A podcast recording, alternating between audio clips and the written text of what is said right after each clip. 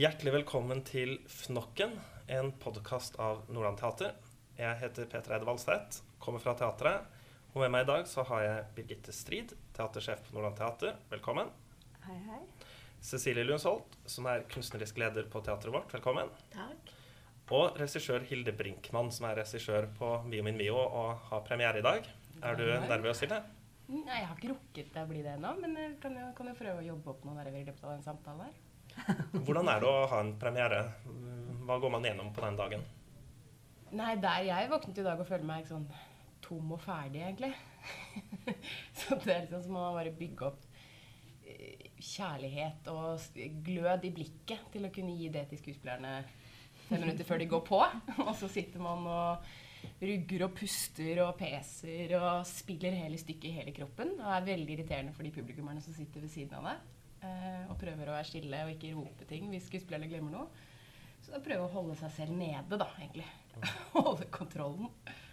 Ja, men Da skal vi følge godt med og forhåpentligvis rapportere tilbake til neste episode hvordan du klarte deg. Enn dere som har bestemt at dette stykket skal settes opp, hvordan er dagen for dere? Det er litt som julaften premierer. Uh, man har tenkt veldig lenge på hva man skal gjøre. Og så er det på premiere at man pakker ut den gaven og får vist den til publikum for første gang. Så det føles veldig spennende. Og så er det jo veldig godt å få jobbe med Cecilie, endelig. Eh, vi har jo kjent hverandre siden 2007, faktisk. Eh, og nå hadde vi jo planlagt å gjøre Mio begge to samtidig. Og så når vi da snakka sammen skjønte at det, det trenger vi ikke gjøre aleine, vi kan gjøre det sammen, så, så, så var det Det blir jo ikke bedre enn det. Nei, det var masse som falt på plass da. Og så er det så de to eh, som sitter her, altså Hilde og Cecilie, som er de beste på å lage barneteater i Norge nå. Eh, og når de to er sammen, så jeg er jo kjempestolt og gleder meg veldig til kveld. Men hva er egentlig forskjellen på å lage teater for barn og voksne? Barn er mye mindre, og de er litt lavere. Nei, men eh, det Det er jo store forskjeller på det fordi det er eh, Barn har opplevd færre ting. De har mindre livserfaring. Eh, Så jeg syns jo det er fantastisk å lage teater for barn, fordi da har jeg virkelig muligheten til å gi dem opplevelser som de vil ha med seg resten av livet.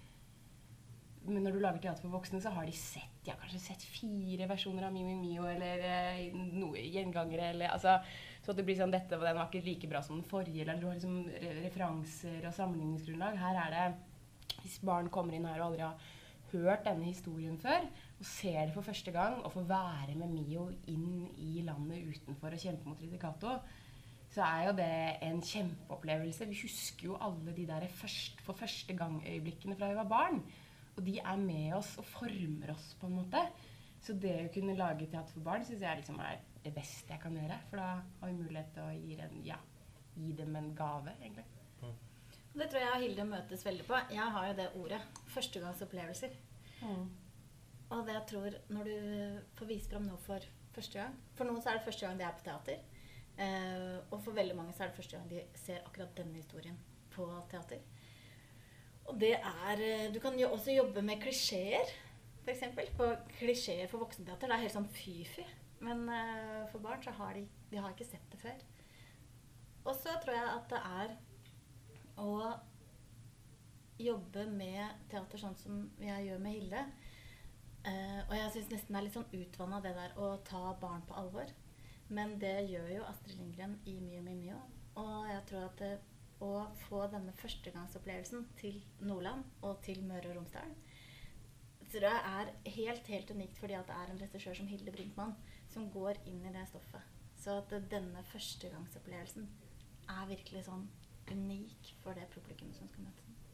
Det er veldig gøy at du, du sier førstegangsopplevelse, og vi har jo magiske øyeblikk du tar med deg resten av livet. Som er noe Så jeg sa liksom sånn Ja, Jeg har vært inne på nettsida og lest, så at det Nei, men det, det, det viktig å skape de magiske rommene eh, som du er så innmari god på, og som du lar Hilde gjøre. Så det, det er, ja. Alt henger sammen her.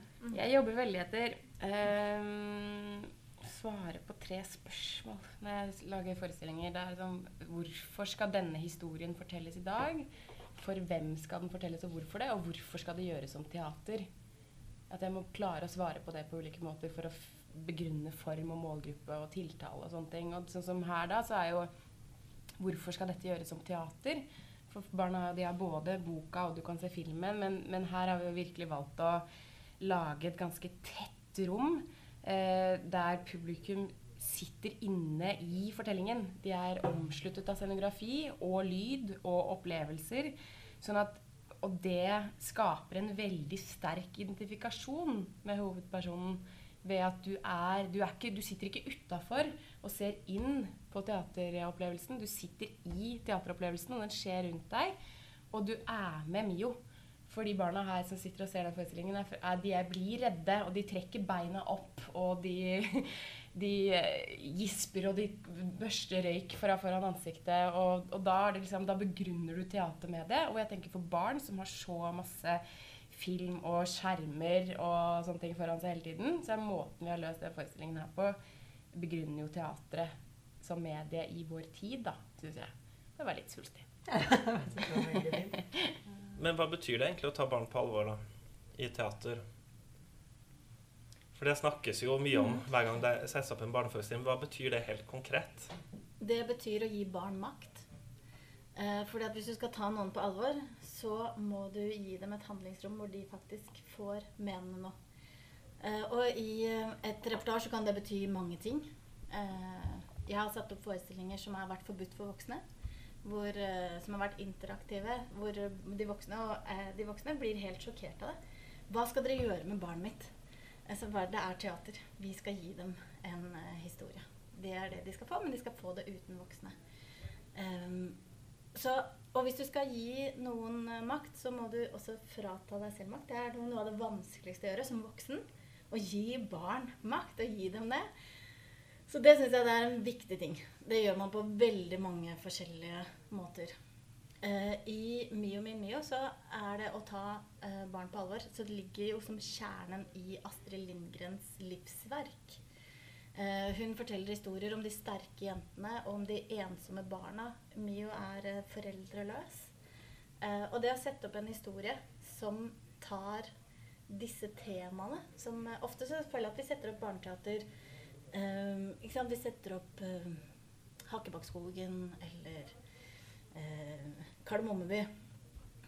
Men Astrid skriver om de såre temaene. Og det er store eventyr.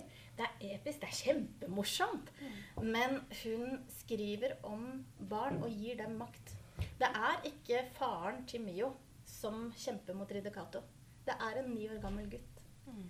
Eh, og det gir barn en følelse av å få være i det eventyret. Og at de blir eh, Nå prøver jeg å finne det norske ordet, men det er, de blir empowered. Ja. Det er barnet som er helten. Og så er det jo også at Makt er, handler jo også om hvem som fører ordet. Hvem snakker? Hvem får definere virkeligheten? Og da har vi jo det eh, ordet barneperspektivet. Eh, hvem, hvem sin synsvinkel er det vi ser som forteller historien? Og Astrid Lindgren eh, lurer på om det var Pippi Langstrømpe, som var et av de første, første, verkene som er skrevet fra et barn. Der er det jo Tom og Jannika som forteller om møtet med Pippi. At det er barna som beskriver sin virkelighet med sine definisjoner av hva som skjer. Og det er det samme i Mios. Er, Mio forteller jo hele historien i et jeg-perspektiv. Jeg følte det, jeg tenkte det. Og du har ingen andre voksne som sier Men det Mio egentlig mente, var at han var Altså, det, det, han, han, har eh, språket, han har ordet, han eier fortellingen. Og det er eh, virkelig å ta barn på alvor fra deres perspektiv. Og så er det, er det um, Jeg har tenkt ganske mye på det med hvordan vi snakker om barn. Hvordan vi beskriver barn. Eh, for det er ofte i politiske skrifter og, og, i aviser og sånne ting, så snakker vi om barn eh, kun ut ifra deres framtidige potensial. At barn skal bli en god borger. Eh, eller de skal lære seg reglene på teater for å bli en god publikummer. Eh, og, og, veldig ofte når det er snakk om teater, så begrunner man at vi skal sette opp barneteater fordi barn er fremtidens publikummer. Ut fra deres framtidige kjøpepotensial. At de skal lære seg å kjøpe, uh, se teater så de kjøper billetter når de er voksne. Og Jeg synes Det er en helt idiotisk måte å tenke på. Sånn at jeg forsøker å definere dem. De er ikke framtidens publikummere, de er nåtidens publikummere. Og de er de, de viktigste publikummerne vi kan jobbe for. Og at man snakker om dem nesten som at de er ufullstendige voksne. Men da er et barn ideologisk et halvferdig skapning. Mens jeg tenker at du er jo en fullstendig seksåring med de erfaringene du har når du er seks år. Du er en komplett tolvåring med alt du har erfart fram til du er tolv. Og da, når vi da jobber med barneperspektiv i kunsten, så sier vi ok, Mio er ni år gammel. Hva skjer i en niårings hode? Eh, emosjonelt, eh, mentalt, kroppslig. Hva skjer i kroppene deres? Her fins det masse forskning på hva som skjer med barn i ulike stadier. Og da kan man gå inn og si ok, men da skal vi lage kunst som tar opp problem, problemer om forståelse av døden for seksåringer, for det er da de skjønner konseptet døden. Liksom. Um, og, da kan du virkelig lage kunst som treffer dem på noe som eh, er viktig for dem i sitt liv der de er akkurat nå. Ikke der de skal, men der de er akkurat nå. Så det er det viktigste jeg jobber med, som er veldig det som er min utdannelse fra Dramatiska instituttet eh, og fra Susanne Osten, som har drevet Unge og Klara, er jo det med barneperspektivet. Å gå ganske stram, tight inn på én målgruppe. Det var det Skam gjorde nå også. De ville treffe liksom 16-åring på Oslo vest, liksom. Jente. og så begynner du med det. Og det er da du også kan treffe noe liksom større menneskelig tematikk, ved at du tør å være spesifikk også. Og det tror jeg også i forhold til å ta barn på alvor. At man, eh, teater er veldig mange ting for voksne. Det er rein underholdning. Det er de store tragediene. Du får gå inn i disse følelsene. Og det tenker jeg veldig mye på i repertoar for barn. Mm. At uh, det både skal være uh, underholdning, men uh, i noen forestillinger så skal vi også gå inn og speile barns virkelighet. Og vi skal kunne gi dem erfaringer som de tar med seg videre i sine liv. Akkurat som vi tenker teater for voksne. Og der mener jeg at der er det ikke noen forskjell. Fordi at vi skal gjøre Men det gjøres litt for sjelden, syns jeg. Uh, så for eksempel, vi gjorde Hamlet for um, seksåringer. Som jo handler om døden, sant. Uh, og at uh, og da hadde vi noen tilbakemeldinger om at barn har så problemer med å kunne snakke om de temaene, for de føler seg så innmari aleine. Mm. Og at den forestillingen gjorde at de fikk et rom hvor de fikk lov til å snakke om det. Og hvor de kjente at, liksom, at dette er min historie. Og det tror jeg er så viktig. Det er like viktig for en seksåring eller en tiåring eller en 50-åring. Mm. Men hva er um, i kveld, etter forestilling, hva er drømmetilbakemeldinga fra et barn? Hva håper dere at du sitter igjen med, og hva er, liksom, hva er de beste opplevelsene man kan få? Glitrende øyne. For ofte så har de ikke da språket til å kunne liksom definere og analysere Ofte de sitter jo og prater hele tiden underveis. også. 'Det er skott! Det var skummelt!' 'Nei, det går bra. Det går bra, det er ikke farlig.' Altså, De sitter jo liksom sånn og opplever med hele seg. Eh, så det sprelske kropper og glitrende øyne tror jeg er liksom det beste jeg kan håpe oppnå. Og så lurte jeg litt på litt mer om Mio min Mio. Eh, hvorfor, som du sa, at du ville eh, svare på, Hilde, altså hvorfor er det en viktig historie å fortelle i dag? Jeg syns den handler mye om ensomhet og et ønske om tilhørighet. Og det er ganske eh, stort, viktig mellommenneskelig tema. Som jeg tror alle mennesker lengter etter tilhørighet. Eh, men da særlig for barn, og særlig når man har sett også sånn at, at eh, etter sosiale medier at følelsen for ja, utenforskap er jo større nesten nå, for det blir så konkret. Og følelsen av er det noe gærent med meg, siden jeg ikke får like mange likes. Så at det at denne historien tar, tar tak i en gutt som føler seg feil, uønsket og aleine, som så blir den utvalgte som drar i kamp mot det ondeste onde og vinner og seirer og kommer tilbake, den er jo veldig sånn terapeutisk nesten. da. Eh, og så tror jeg det er viktig fordi um, det at dette er en spennende og ganske skummel historie, og at Mio er, både Mio og publikum er veldig redde hele tiden, så går de ut av forestillingen og, og føler seg mye modigere enn de var da de gikk inn. Og det er en ganske fin ting også, at ved å gå inn i dette vanskelige, så kommer du og så har du De har vokst litt, da. Og retter seg opp i ryggen. Og de har også kjempet mot Cato. Det er veldig fint. Uh, Astrid Lindgren skrev jo flere av bøkene sine sånn i hvert fall at man kan skimte litt av hennes egen historie i det. Uh, man vet jo bakgrunnen f.eks. For, for Brødrene da Du hadde en bror som ble syk, og hadde jo, hadde jo en komplisert historie med sin egen sønn som hun ikke fikk ha kontakt med i mange år. Når dere lager teater, hvordan er det da med at dere bruker av deres personlige erfaringer og tanker og historier? Hvordan gjør du det? Mm, det er viktig som regissør Jeg uh, må sette opp forestillinger som jeg kjenner en resonans i meg selv for å kunne gjøre. Um, med temaer som føles relevant for meg selv også. Her, ble det jo mye tøffere enn jeg hadde trodd. fordi uh, Mio handler jo mye om å lengte etter en forelder. da, Eller alle disse barn, de foreldrene som har blitt frarøvet barna sine. Eh, så, så, sånn rent personlig for meg nå så har det vært ganske tøft å ukependle til Molde i syv uker og reise fra treåringen min, som jeg savner veldig hele tiden. Og så liksom måtte reise fra sitt eget barn og så jobbe med sånn materiale med sånn Det er viktig at foreldre og barn er sammen. Det, det kjentes litt hyklersk.